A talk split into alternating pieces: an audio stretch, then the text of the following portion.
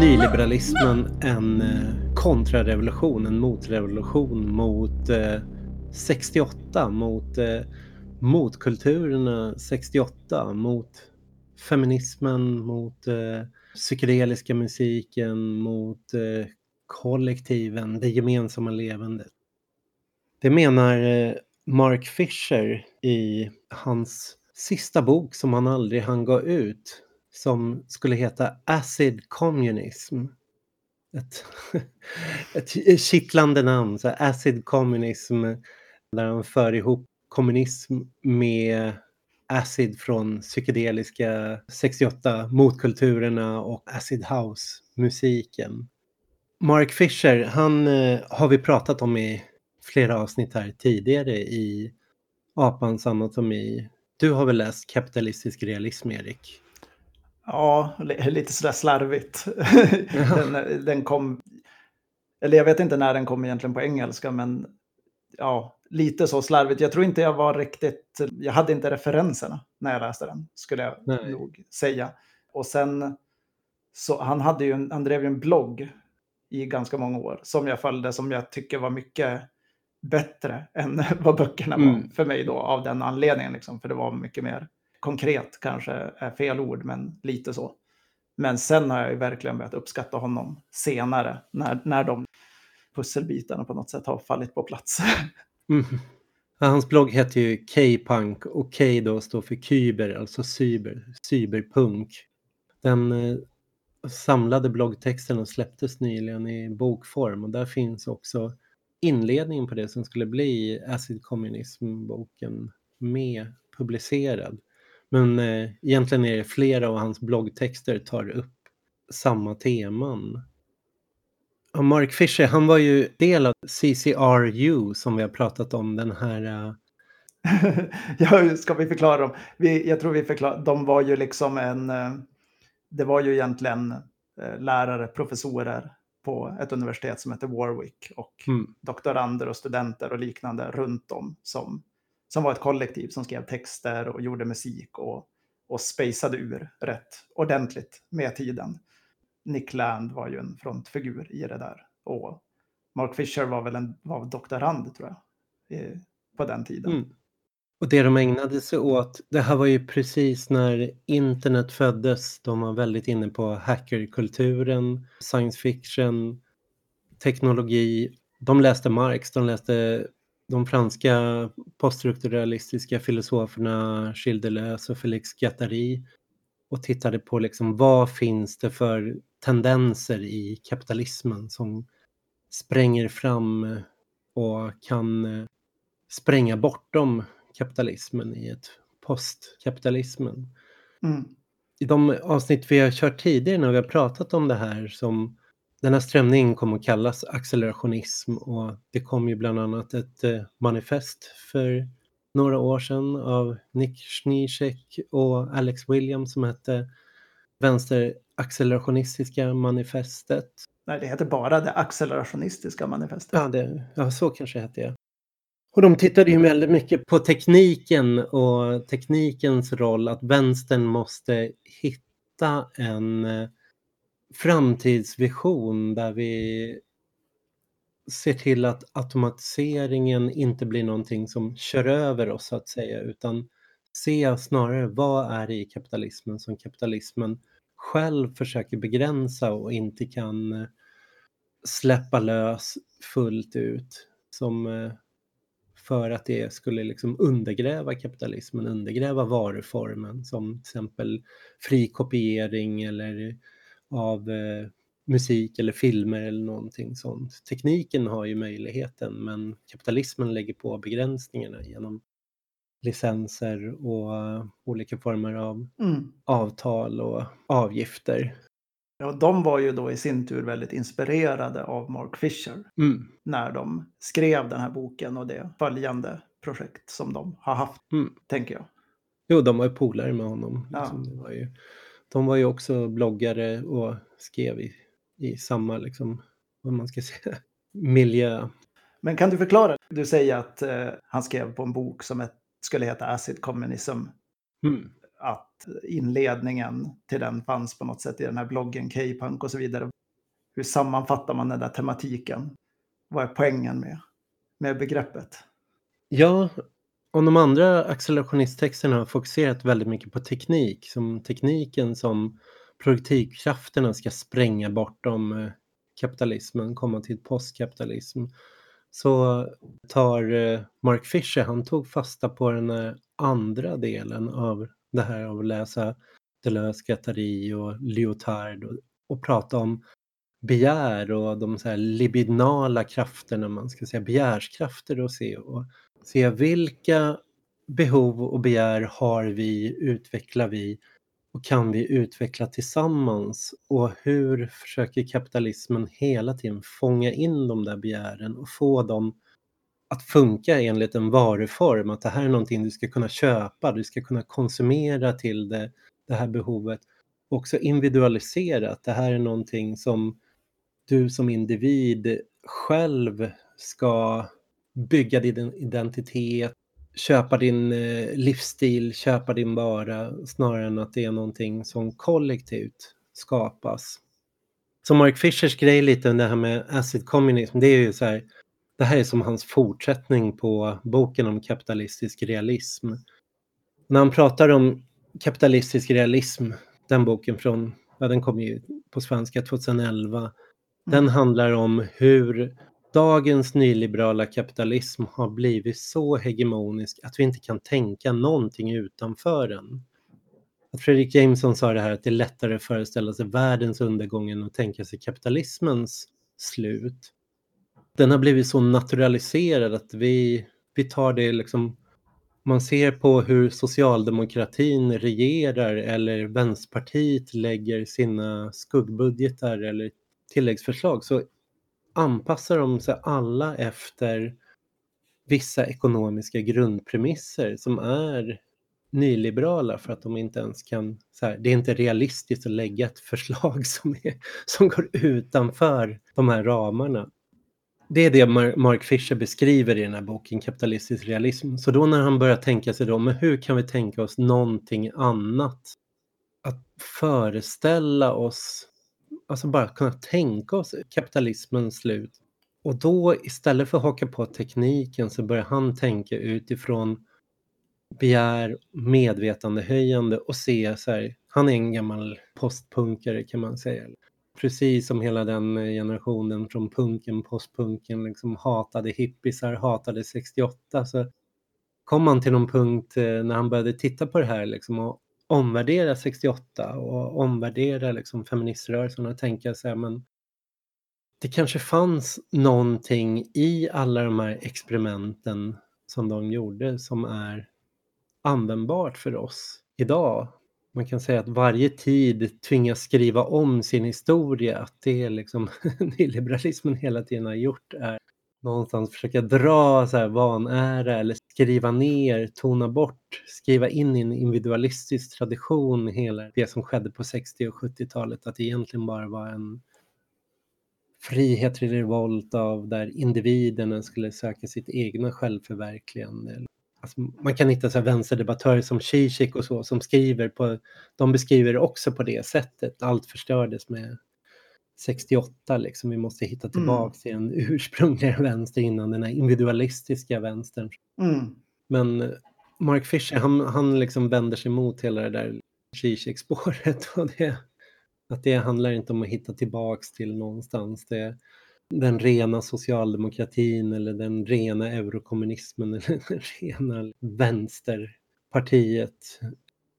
Då så började han titta på hur de här kollektiven på olika sätt dels försökte ta tillvara på skapa kollektiva upplevelser, kollektiva behov, kollektiva begär men också olika former av kollektiva medvetandehöjanden så här, för att eh, det är där han plockar in det där begreppet acid. Då. Det är inte liksom sett som en så här knarkhyllande utan han använder det som en så här, mer som ett adjektiv då. Hur kan man beskriva det där? Medvetande expanderande. Det här låter flummigt. Men det går att konkretisera på väldigt så här, tydligt sätt. det exempel han tittar på till exempel, förutom psykedelisk musik då, det är feminismen i slutet av 60-talet som börjar med medvetandehöjande basgrupper. Det börjar väl i stort sett i 67 inom radikalfeministiska kretsar i USA.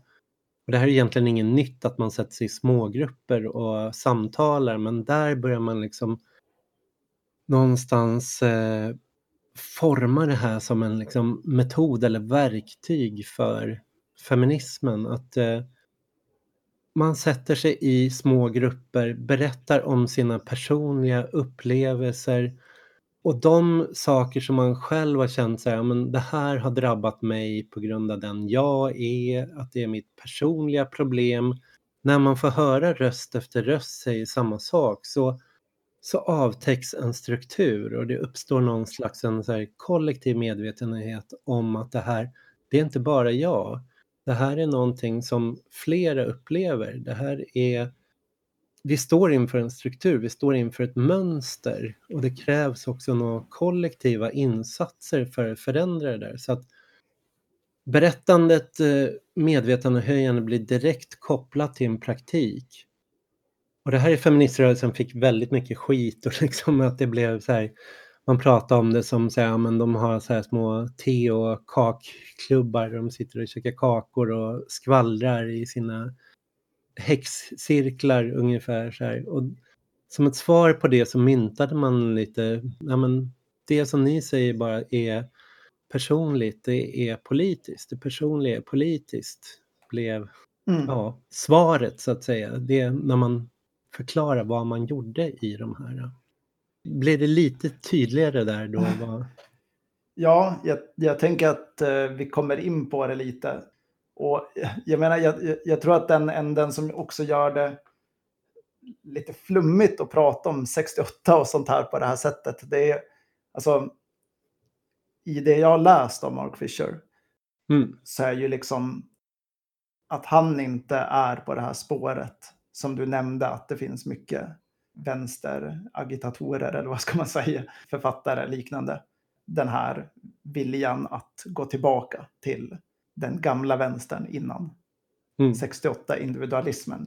Det är ju att han har någon typ av analys av en produktionsförändring där det förhållandet är tillintetgjort. Så han menar ju att det är det är inte bara att det är oönskvärt utan det är också per definition omöjligt. Alltså kapitalismen har utvecklats in i en fas där mm. de villkoren som gjorde att det var logiskt att organisera sig på de där sätten. Masspartier, stora fackföreningar knutna till branscher och så vidare. Det har luckrats upp. Det är ju på något sätt den teoretiska utgångspunkten som han då delar med de här andra accelerationisterna. Att så här, okej, okay, vi är i det här läget. Mm. Kapitalismen har förändrats till den här, vad ska man säga, konsumentkapitalismen. Mm. Från massarbetaren till den här skulddrivna individkonsumtionen som ju är idag. Liksom. Det är där vi befinner oss idag när vi sitter och pratar. Att, och det är väl det som är liksom kärnan till på något sätt den här diskussionen om begär. Mm. Som vänstern då dodgar jävligt mycket. Alltså diskussionen om att vi har massa drömmar och eh, massa känslor av någonting vi vill förverkliga som då är infångat i strukturen mm. av kapitalism i form av den här individuella konsumtionen. Och det du sa, att till exempel bygga en identitet genom konsumtion, som jag tänker att de flesta av oss känner igen oss i. Liksom. Mm. Jag är ju 30 någonting, vad är jag, 31 år. Och har ju ändå på något sätt upplevt en sån, om man pratade om det här, vad 68 är i hans termer, så har jag upplevt en tid då det fanns motkulturer eller liksom motkulturella scener som på något sätt, som verkligen inte var uppfångade. Mm. Där är vi ju inte idag. Idag finns det inte sådana.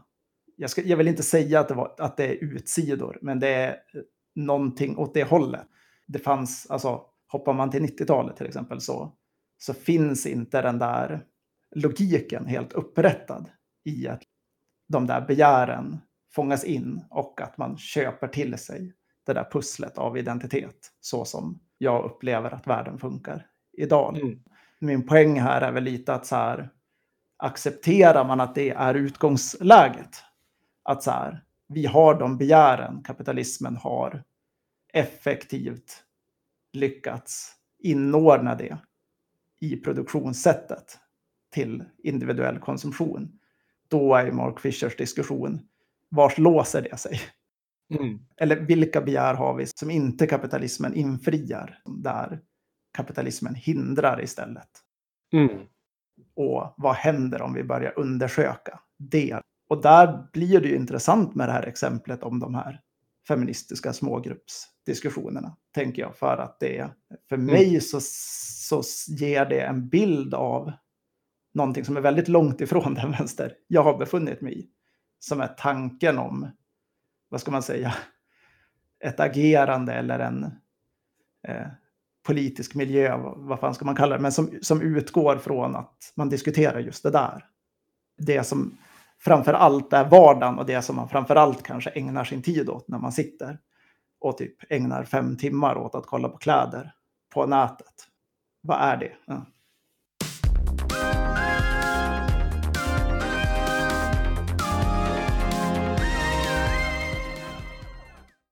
Den bok som bäst beskriver det där är ju faktiskt Naomi Kleins klassiker, den här No Logo från slutet av 90-talet, 99 eller när den kom.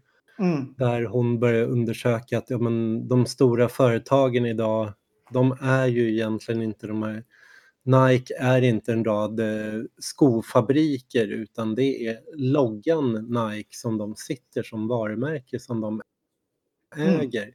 Sen hyr de bara in sig på ställen i Kina eller vad det är, som kan producera den sko som de beställer fram.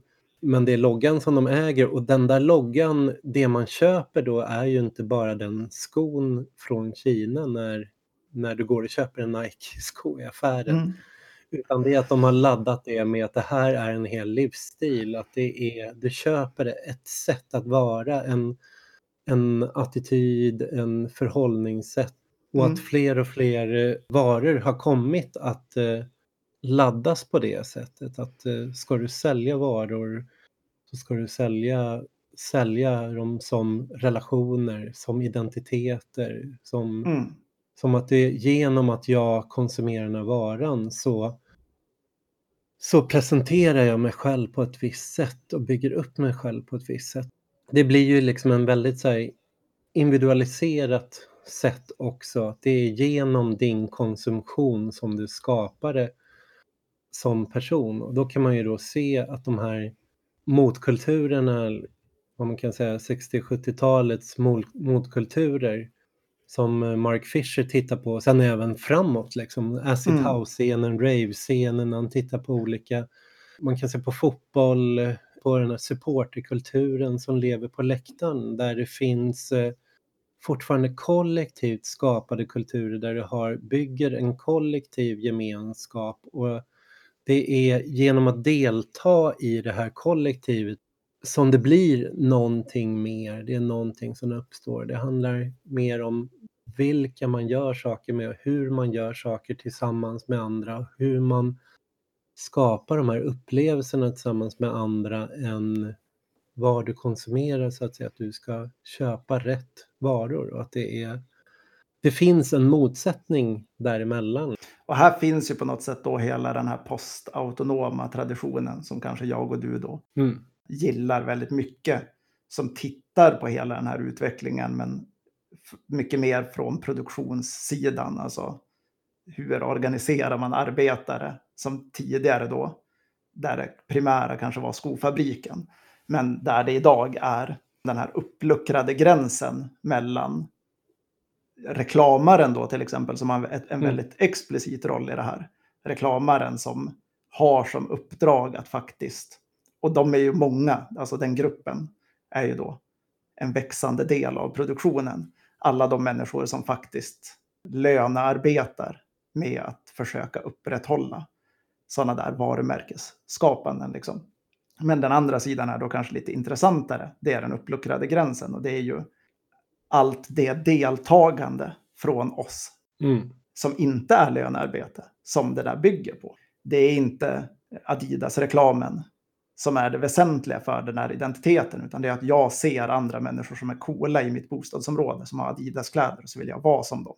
Där mm. någonstans har man ju inarbetat ett kollektivis eller man har gjort ett man har kollektiviserat på något sätt arbetsinsatsen i att bygga de där sakerna, men det är en privat aktör som kan sitta och ta ut vinst ur den där, mm. ur det där förloppet. Men det är ju kanske inte då det. Mark Fisher har ju läst hela den här traditionen och mm. är ju intresserad av den. Men han är ju inte då så intresserad kanske av hur organiserar man arbetarklassen, eller multituden som Negri skulle kalla det, i det här tillståndet, utan hur får en vänster en vision, en utopi, en framtidstanke? Hur tar, hur tar man kontroll över ja, mm. idén om framtiden och ett bortom kapitalismen i det här tillståndet?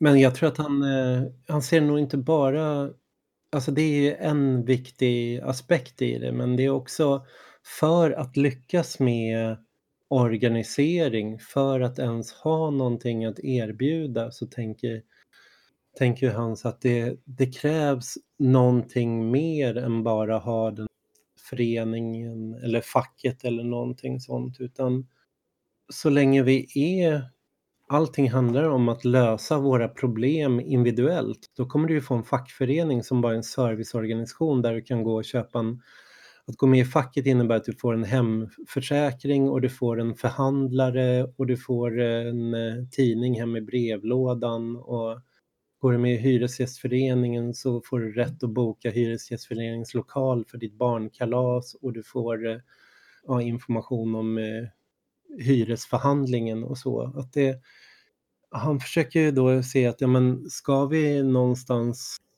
nå någon slags kollektiv kraft i det här så måste vi också börja med att se hur vi skapar kollektiva begär i det där, att få människor att föra samman och hitta kollektiva upplevelser och också finna stöd hos varandra inte bara att eh, vi fortsätter bedriva allting det här som individ. Och det, jag tror att för honom mm. är det, hänger det väldigt tätt ihop med att han var ju deprimerad under liksom en stor del av sitt liv. Hade perioder då han rasade samman och han tog ju också sitt liv för två och ett halvt år sedan. Så han försökte hitta sätt att skriva att det här inte handlade om individen och individens misslyckande utan att det är Depressionen är ju kollektiva strukturer i den, hur den här nyliberala kapitalismen fungerar, att den, den bryter ner oss eh, på arbetsplatserna eller i en så här rätt flytande prekär, osäker arbetssituation där du rör dig mellan olika arbeten och du är skuldsatt, du, du har lån. Och det kanske är vagt också vad som är arbete och inte är arbete ja. i tillvaron i en mycket högre grad. Den ökade utbrändheten och den ökade depressionen i det här samhället, det är någonstans kommer ur det, hela det här liksom individualiserandet av ansvaret för det här. Att det, det är du som individ som ansvarar själv för att lösa den här situationen. Du ansvarar inte bara för din arbetssituation utan hur du psykiskt mår, att du känner glädje, att du känner liksom en mening i den här tillvaron, att du har en lyckad identitet du kan presentera fram. För det är du som konsumerar din livsstil och mår du dåligt så har du konsumerat fel livsstil. Så mm. därför blir det här liksom, eh, hitta det här liksom kollektiva begäret någonstans inte bara ett sätt att komma undan arbetsplatsorganiseringen eller någonting sånt, utan det är någonstans en förutsättning mm. för att lyckas återskapa någon form av solidaritet och också hitta det här kollektiva dimensionen i vad vi sitter i, precis som de här feministiska medvetandehöjande basgrupperna lyckades göra. Mm. Ja, men det där är en, det, det är en intressant förklaring. Liksom. För jag, jag var nästan på väg att säga så här, vad, vad är problemet? Det kan inte vara ett självändamål att vilja bortom kapitalismen. Vill man bortom kapitalismen så finns det ju mm. en anledning till det. Det är ju någonting som, som vantrivs i kapitalismen som liksom väcker den frågeställningen överhuvudtaget.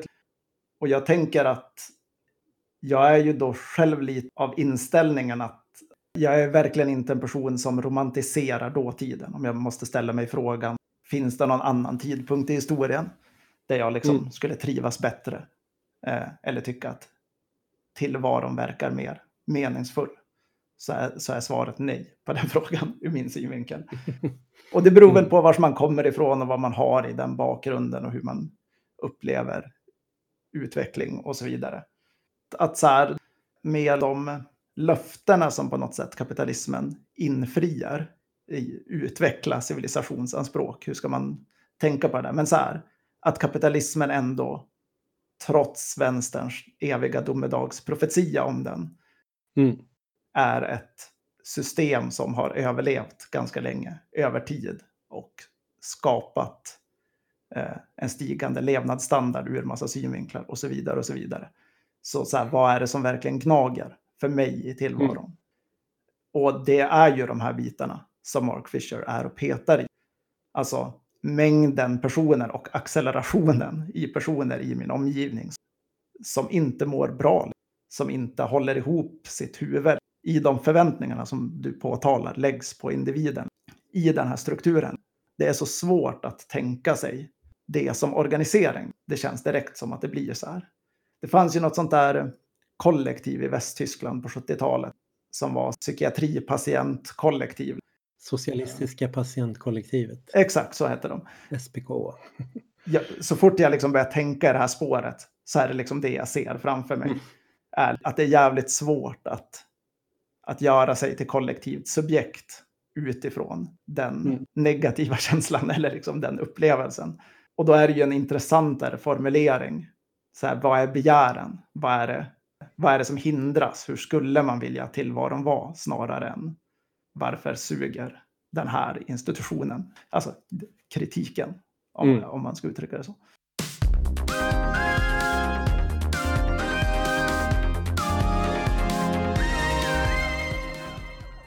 Den här diskussionen, Mark Fisher är ju inte ensam att ta den, utan det är framförallt inom feminismen har den ju förekommit också. Att det som eh, Barbara Ehrenrich kom, ju med en mm, bok för några år sedan som heter Gilla läget som handlade om hela den industri som har uppstått kring eh, depressioner, utbrändhet, hur man ska få folk att må bra igen. Att så här, här är de piller, de kurser, de eh, självhjälpsprogram eller bara mentalitet som du måste ta till dig liksom, eller lätta Veckorevyn-test du måste checka igenom för att må bra. Att det, det har blivit en sån oerhörd industri av det här att eh, men, nyliberalismen bränner ut folk på löpande band men man har också hittat sätt att tjäna pengar på att liksom försöka få in eh, de här i follan igen genom att eh,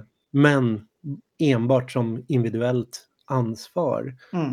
En annan eh, feminist, eh, Lynn Siegel, som har skrivit en bok som kom 2017 också, samtidigt som Mark Fisher gick bort, som heter Radical Happiness, Moments of Collective Joy. Där hon diskuterar just det här, liksom, att ja, men, den här individualiserade glädjen, eller vad man ska säga, som är nu, som bygger mycket på att det är lätt att skapa underhållning, underhållning som en produkt du köper och konsumerar, men det är betydligt svårt att skapa glädje. Att så här, man kan sitta varje kväll och följa serier på Netflix och hitta hela sitt sätt att så här, man stå ut. när man kommer hem från en lång jobbdag och sjunker ner i soffan breven sitter en partner med en annan dator och följer en annan Netflix-serie. Liksom, så att man blir underhållen. Liksom, men det, frågan är vad den kollektiva glädjen är. Lynn Siegel, hon försöker då titta liksom, så men vad tog just den här radikala glädjen, den kollektiva lyckan, kollektiva glädjen. Var kan vi hitta den igen? Och så beskriver hon hur Tony Blair och New Labour faktiskt införde så här, måttsystem i Storbritannien för att kunna mäta glädjenivåerna under, under sitt styre. Inte då liksom en så kollektiv glädje då, utan bara mm. se så här, hur mår folk? Att man ska, ja men du kan tänka när du har varit och handlat eller när du har gjort någon nättjänst så kommer de här fem, hur nöjd är du? Liksom att du hela mm. tiden ska checka av att man ska liksom, man ska få maximera folks den här nyttokänslan, glädjekänslan, förnöjdhetskänslan i allting de har gjort. Men det är det är snarare en del av det här hur man får det här maskineriet att rulla än att eh, faktiskt hitta. Ja, fast alltså, jag, jag tänker att så här, jag blir ju rätt skeptisk när man avskriver det som ja. typ en genuin känsla. Liksom. Jag tänker att det är det. Jag tänker att det är begär och det är riktiga glädjekänslor. Så skitsamma om man har en... Alltså man kan ha en förklaring av det som hur funkar endorfiner i hjärnan, serotoninutsöndring vid vissa moment, sådana där grejer. Och sen kan man ha en flummigare teori om det. Men, men poängen är ju ändå så här att då fan känner jag mig glad liksom, när jag köper coola kläder på internet. Det jag tycker att det är skitroligt. Jag tycker bara att problemet är, eller så här, med ursäkt för att bli flummig igen, så, så tycker jag att problemet syns för mig när jag råkar hamna i situationer som där det, där, där det då finns någonting som jag skulle kalla för kollektiv glädje. Jag har varit med om det till exempel i, alltså i massa konstiga sociala situationer, men husockupationen är ett väldigt bra exempel på en sån situation. Där jag liksom har fått sådana ordentliga jävla kickar. Mm. Blivit överväldigad, glädjeöverväldigad av på något sätt att vara i ett sammanhang och dela en upplevelse med människor, den där känslan är väldigt svår att, för mig att sätta ord på, men den är väldigt speciell. Och det är på något sätt den känslan som jag då tänker att jag kanske jagar i massa andra sammanhang, men som aldrig erbjuds mig. Alltså, även om jag får en glädjekick av att typ köpa kläder på internet eller att se en bra serie och lära mig någonting, så mm så är det inte samma sak som det där. Och det där begäret är det som kapitalismen inte erbjuder för mig i varuproduktionen. Nej. Som sagt, det, det, är lite flummigt för att jag kan inte, jag kan ju bara förklara det som så här. Jag var med på en husockupation för några år sedan där vi hade en festival och det var en väldigt sån undantagstillståndssituation på något sätt för att kommunen tolererade att det där huset var ockuperat under en period. Och under den festivalen så var det jättemycket folk och på något sätt en resultatsituation av massa engagemang av människor helt utan något annat intresse än att typ ha kul tillsammans. Mm. Och det var på något sätt det, när det liksom visualiserades för mig i en situation så blev jag extremt överväldigad av det. För att det är någonting så radikalt annorlunda då från vad driften, vad orsaken är till att människor agerar eller att någonting händer i alla andra sammanhang eller varför man blir glad av saker i andra sammanhang. Och det där finns ju en flera tusenårig tradition av som eh, han eh, Bachtin skriver om skrattets historia, om kannibalernas, om att karnevalskulturen har alltid spelat en sån här roll, att det har funnits dagar av överskridande där folk har kunnat gå ut och kollektivt delta. Och ska man vara negativ så kan man se det som att en, det har varit som en ventil för att liksom sam, eller ett, liksom ett förtryckande samhälle ska kunna uppstå. Att det måste finnas här dagar då allt får ställas på ända och allting får vara helt upp och ner. Eller så ser man att det här är faktiskt små prefigurationer eller små visningar av en en slags levd utopi nu där folk plötsligt river normerna, överskrider gränserna, uppträder på ett annat sätt, uppträder kollektivt och gränslöst på ett sätt som visar på ett annat sätt som skulle kunna vara och som faktiskt sår en massa fröer. Så jag tänker, ja men det har man ju, ja, många, alltså det är väl det någonstans jag känner ofta som driver mig politiskt vidare. Det är sökandet efter de där ställena där det kan ofta är det på en demonstration, det kan vara på en kravall, det kan vara på en husockupation eller det kan vara bara på ett väldigt lyckat möte eller en konsertupplevelse eller där man känner den här liksom så här, men fasen, vilken mäktig känsla det är det här liksom. Nu, man går över en gräns liksom. Det är, allting framstår plötsligt som, som möjligt eller så här. Det är ju, det är en oerhört kick i den känslan. Mm.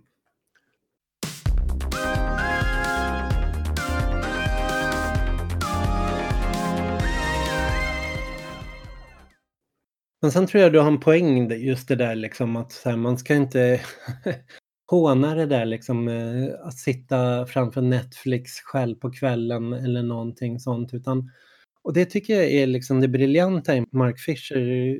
Han eh, gjorde en text som heter Postkapitalistiska begär där han, han tar upp, det här är efter Occupy och torgmöten och allt sånt och så kommer de borgerliga skribenterna som vanligt och sågar varje antikapitalistiskt projekt med så här Ja, ja, ni ockuperar det här torget. Det har aldrig varit så långa köer till Starbucks som den gången ni var där. För alla skulle in och köpa sin Starbucks-kaffe och jag har aldrig sett så många iPhones på samma ställe och så mycket Nike-dojor på samma ställe. Så att allting ni behövde för att göra den protesten, era tält, era telefoner, för att posta på sociala medier, de mediesajter ni postar på, allting var ju liksom skapat av nyliberala kapitalistiska företag och sen sitter ni och använder de formerna för att protestera mot det. Så här.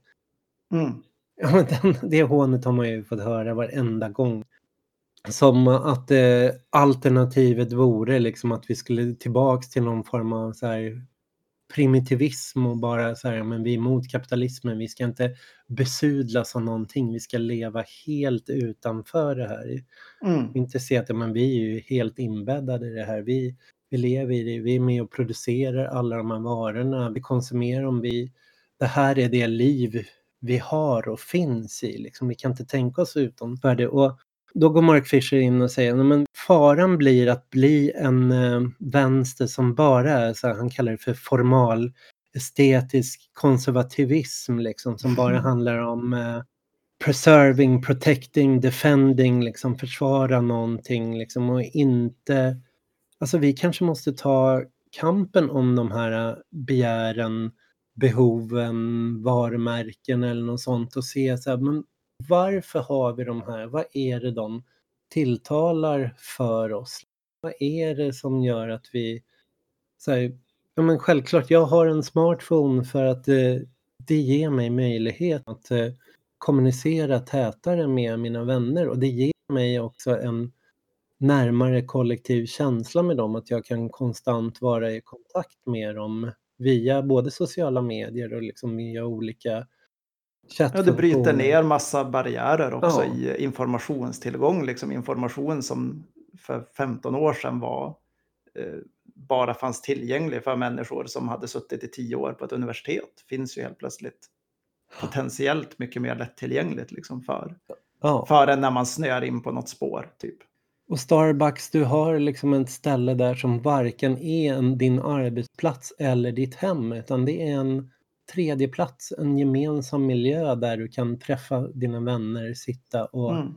umgås, där du inte behöver gå hem och bedriva ditt individuella hushåll, du behöver inte laga din individuella utan ni, ni är där, liksom, ni kan konsumera gemensamt. Mm. Och allting det här är menar Mark Fisher. Det här är ju kollektiva behov som, som finns där, som, som också har delvis kommer till uttryck och som kapitalismen inte helt fullt ut kan tillgodose. Så här, att vi, mm.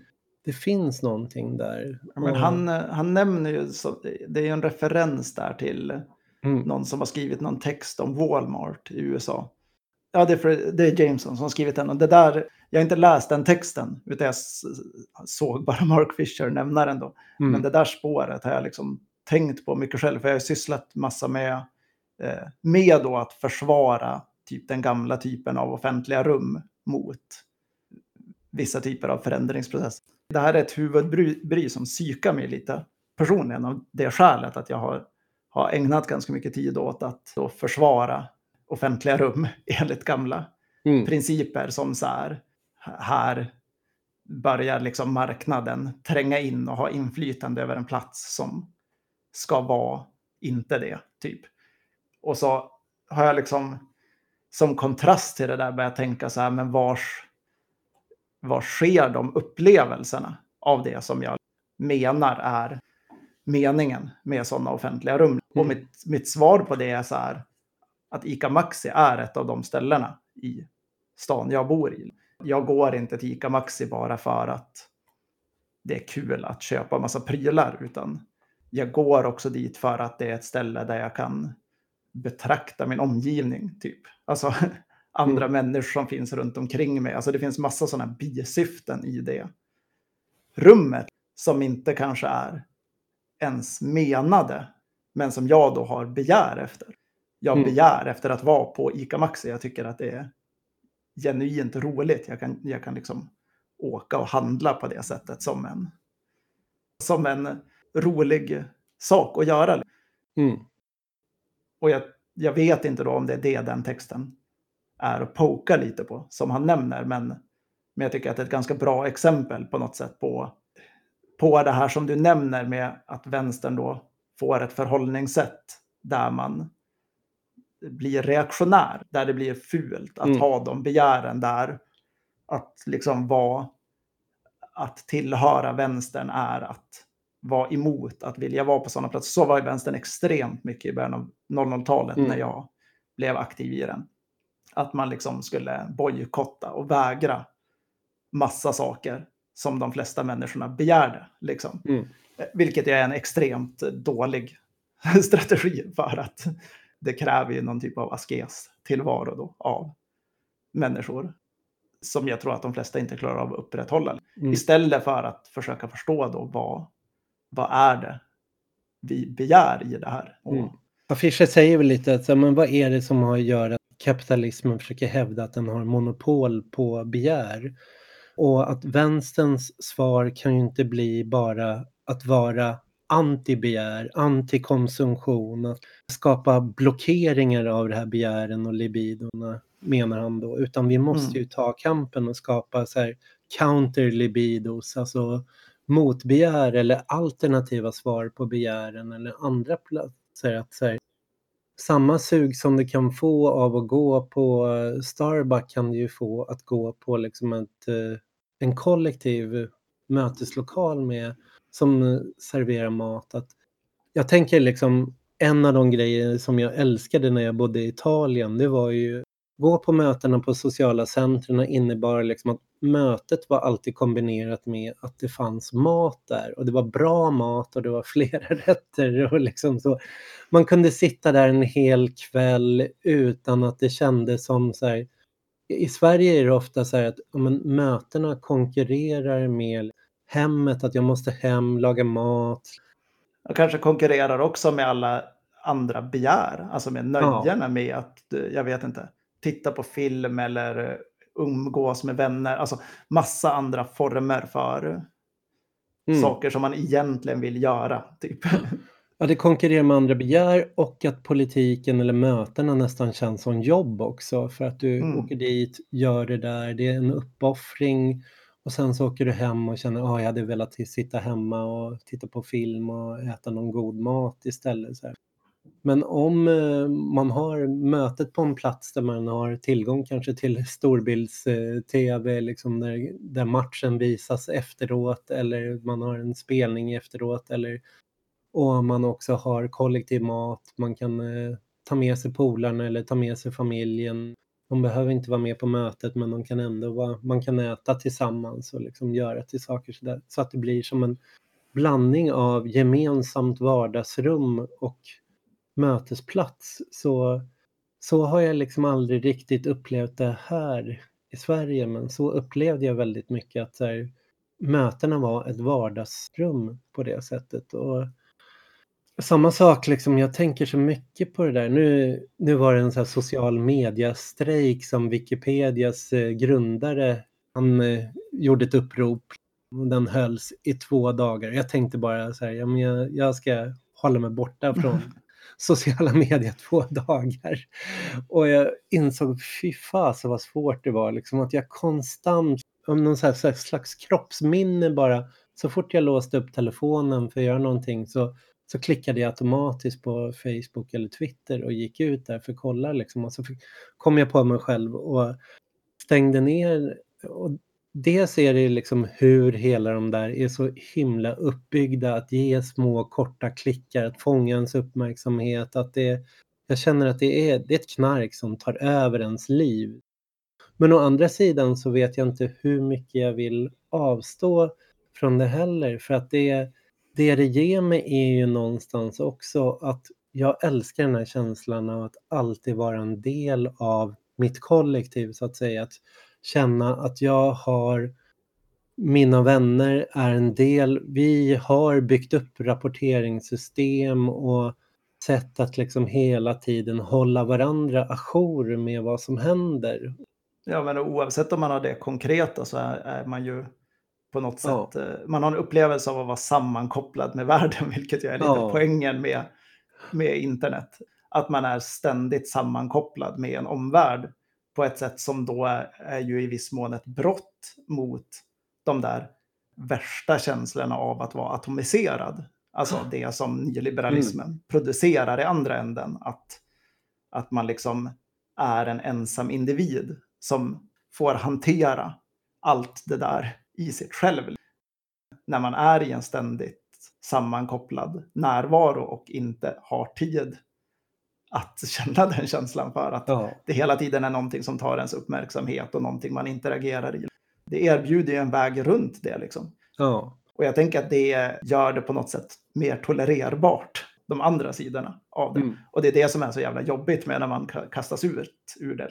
Frågan är då om det går att separera på det där på något sätt. Liksom. Att Mark Fisher är också inne och diskuterar så här, hur kan vi se till att vi använder sociala medier och inte blir används av det så att säga. Att vi, vi aktivt använder det för att kommunicera saker och inte reaktivt bara svarar på det och matar oss med triggers och stimulans som gör att vi inte kan låta bli att sluta använda det till slut. Och det är där eh, fylla den här eh, kollektiva begärsfunktionen någonstans förbindas med, mm. med de sina och den, den informationen utan att sugas upp på det sätt som det gör. Jag, jag har inte hittat något sätt runt det där. Jag, jag, vill inte kapa det och jag vill inte använda det heller. Det här är ju ett typexempel då kanske på den diskussionen som en sån politisk miljö som utforskar det som Mark mm. Fisher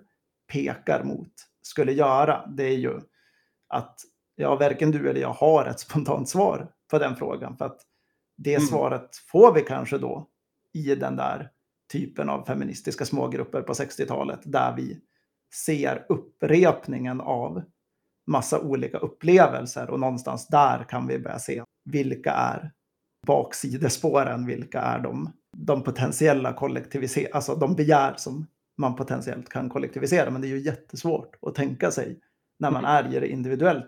Jag är ju då inte längre på sociala medier alls för att jag har testat det där. Inte som då någon typ av självhjälpspryl som väldigt många gör. Mm. Alltså att ha en kritik mot sociala medier och så, utan mer för att så här, jag, jag är en sån early adapter person. Mm. Så jag liksom, jag skaffade min första iPhone ganska, alltså väldigt tidigt när den första iPhonen släpptes i Sverige. Och hade typ 12 kronor på kontot eller något. Den dagen mm. när jag gick liksom till Telia eller vad fan det var och tog ett sånt där en kronors abonnemang. Där man ju egentligen sätter sig i en skuld. Mm. För att jag hade det begäret. Och skaffade på samma sätt massa so sociala mediekonton väldigt tidigt. Liksom. Och här är ju den faran på något sätt att när jag är kvar i det så kan jag ju bara kontrastera hur mitt liv är nu i det sammanhanget mm. mot mm. ett sammanhang där det inte fanns ett före. Men jag saknar kontrasten. Hur är tillvaron i det nuet om jag tar bort den här biten ur ekvationen eller delar av den? Och det är väl det där som vänstern då också ofta gör i större skala, alltså romantiserar ett före-tillstånd. Mm. Att så här, innan den här förändringen kom så var saker enklare. Och så pekar man kanske finger åt fel håll ibland. Ja, man pekar finger mot begäret.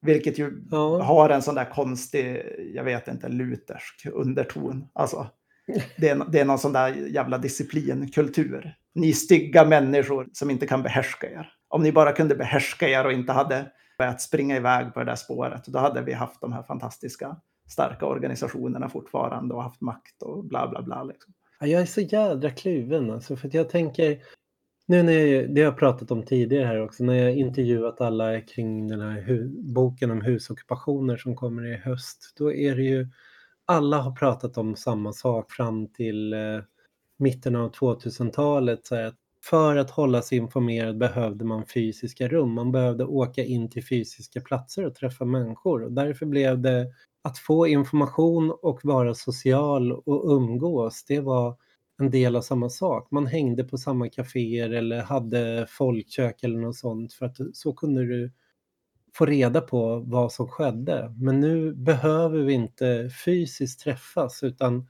jag kan strunta helt i att träffa de personer och ändå känna mig som en del av den miljön.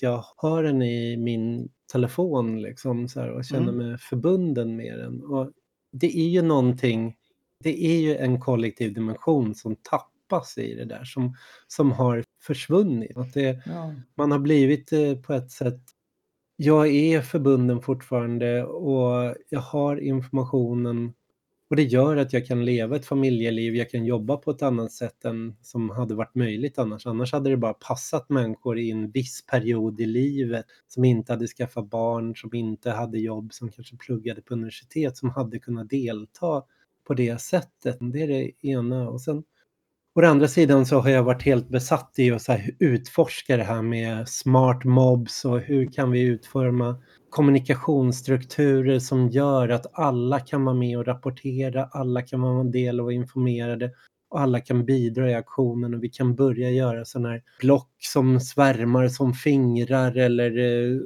rör sig i smågrupper och deltar i aktioner. Så jag har verkligen varit så besatt i liksom, att se hur man ska kunna stärka det här generella intellektet, allmänna intellektet, delen av det här att vi alla är uppkopplade till varandra. Samtidigt som jag mår så jävla dåligt av det. men, liksom. nej, men grejen är väl, alltså det som misstaget för, för mig sker ju när man försöker bestämma sig för om det är ensidigt dåligt eller ensidigt bra. Ja. Istället för att acceptera att det är komplicerat. Liksom. Mm. Att det har ett gäng positiva dimensioner och ett gäng negativa dimensioner. Och att vissa saker är positiva ibland och negativa ibland och att saker tar ut varandra. Och då menar jag till exempel med nätutvecklingen. Typ. Att liksom hoppar man i ena diket, vilket ju teknikoptimister gör också, ja. åt andra hållet, så är man i ett dike. Det ja, men det är därför jag säger att jag tror att det är när man då kanske börjar nysta i väldigt mångas individuella upplevelser, de riktiga upplevelserna. Inte så här, vad är politiskt rätt, utan alltså, så här, vi är vänster, vi vill att saker ska vara kollektiva, typ. Mm. Då är det fel att göra så där utan mer typ när du sitter hemma och väljer att göra ditten, vad är din upplevelse av det? Mm. När blir du glad? Vad får du kickar av? Varför blir du besviken? När det uteblir eller när det inte ger vad det lovar. Jag tänker att det är en process där man kanske börjar kunna navigera i det. Men jag är också lite osäker och här är väl då kanske mer den här änden av Mark Fisher tillhörde ju CCRU då, mm. med Nick Land och Nick Land har ju en sån här syn på kapitalismen, där kapitalismen själv är subjektet på något sätt. Mm. Alltså det är en idé om att, vad ska man säga, kapitalismen som struktur är smartare och agerar mycket mer autonomt än vad vi kan lyckas göra genom att diskutera ihop oss. Och det är ju liksom det som leder Nick Land in i vissa spår. Mark Fisher polemiserar ju lite mot det där. Men jag har ju som en benägenhet i att ibland känna att, att det kanske är så. Och då blir det problem för mig. Alltså nu menar jag att om man tar börskraschen till exempel på Wall Street, det tycker jag är ett jättebra exempel, så vill ju vi gärna att allting det som sker ska vara uttryck för en organiserad mänsklig vilja. Typ.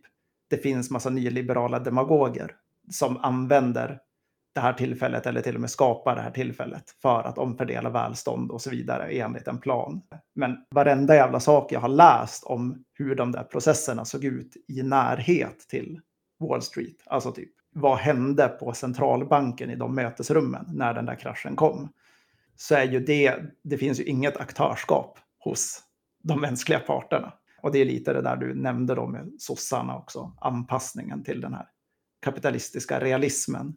Mm. Det kan vara att man inte kan tänka sig ett alternativ, men i Nick Land-änden så kan det också vara att man att människan inte kan agera som subjekt lika effektivt som kapitalismen är subjekt. Ja, eller han, han ser väl snarare så här kapitalismen kommer ständigt revolutionera och bryta varje hinder och att det är människorna som påför hinder genom att försöka skapa någon form av trygghet och stabilitet och säkerhet. Mm. Och att vänstern därför är en rent reaktiv och bromsande kraft med den här självivägskjutande liksom, kapitalismen. Mm. Medan Mark Fisher han eh, vänder ju på det där och ser snarare då att så här, men, kapitalismen ger en massa löften och tvingas hela tiden, den öppnar upp möjligheter som den hela tiden tvingas avsluta för att skulle den släppa den kraften loss så skulle den ta död på sig själv. Så att den mm. innebär mm. att eh, den hela tiden måste begränsa sig själv. Så att det är kapitalismen själv som skapar sina egna begränsningar. Medan för Nikland är det vänstern som skapar kapitalismen. Mm. Och vi har ju tagit lite av de här exemplen med, mm. med patentering och att försöka hindra kopieringsmöjligheter och så. Ett annat favoritexempel för mig är ju kanske de mest dynamiska gentrifieringsprocesser som finns. När det samlas massa människor någonstans och gör massa asvärda saker. Typ kollektiva begär då, när det lyckas mm. utkristalliseras, kollektiva begär, att massa människor bara börjar sa samverka och eh, skapa händelser eller platser som mm. är värda, liksom, så är ju kreditsystemet på något sätt bromsen för att när platser börjar vara värda så börjar de identifieras av kreditstrukturer mm. som börjar se en investeringsmöjlighet. Och investeringsmöjligheten gör då att hyrorna går upp, vilket gör att de personerna som skapar den där attraktiviteten inte kan vara kvar där eller kan fortsätta göra det de gör. Och så till slut blir, dör det där, dör det begäret som kapitalismen försöker då att kapitalisera på. Liksom. Det tycker jag är en väldigt tydlig invändning då mot Nick Lands syn mm. på saken, hur det ser ut. Ska vi lämna det här snöiga spåret? Ja. Och det... hoppas att någon har blivit lite klokare och kanske ja, lite det... intresserad av att vi har nog läsa texter. Vi brukar, men det är å andra sidan bra att få göra ibland också. Ja. Mm. Så kommer vi fortsätta med det här postkapitalistiska spåret i framtida poddar också. Yes, tack för att ni lyssnade. Mm. Ja, tack för att ni lyssnade. Hej.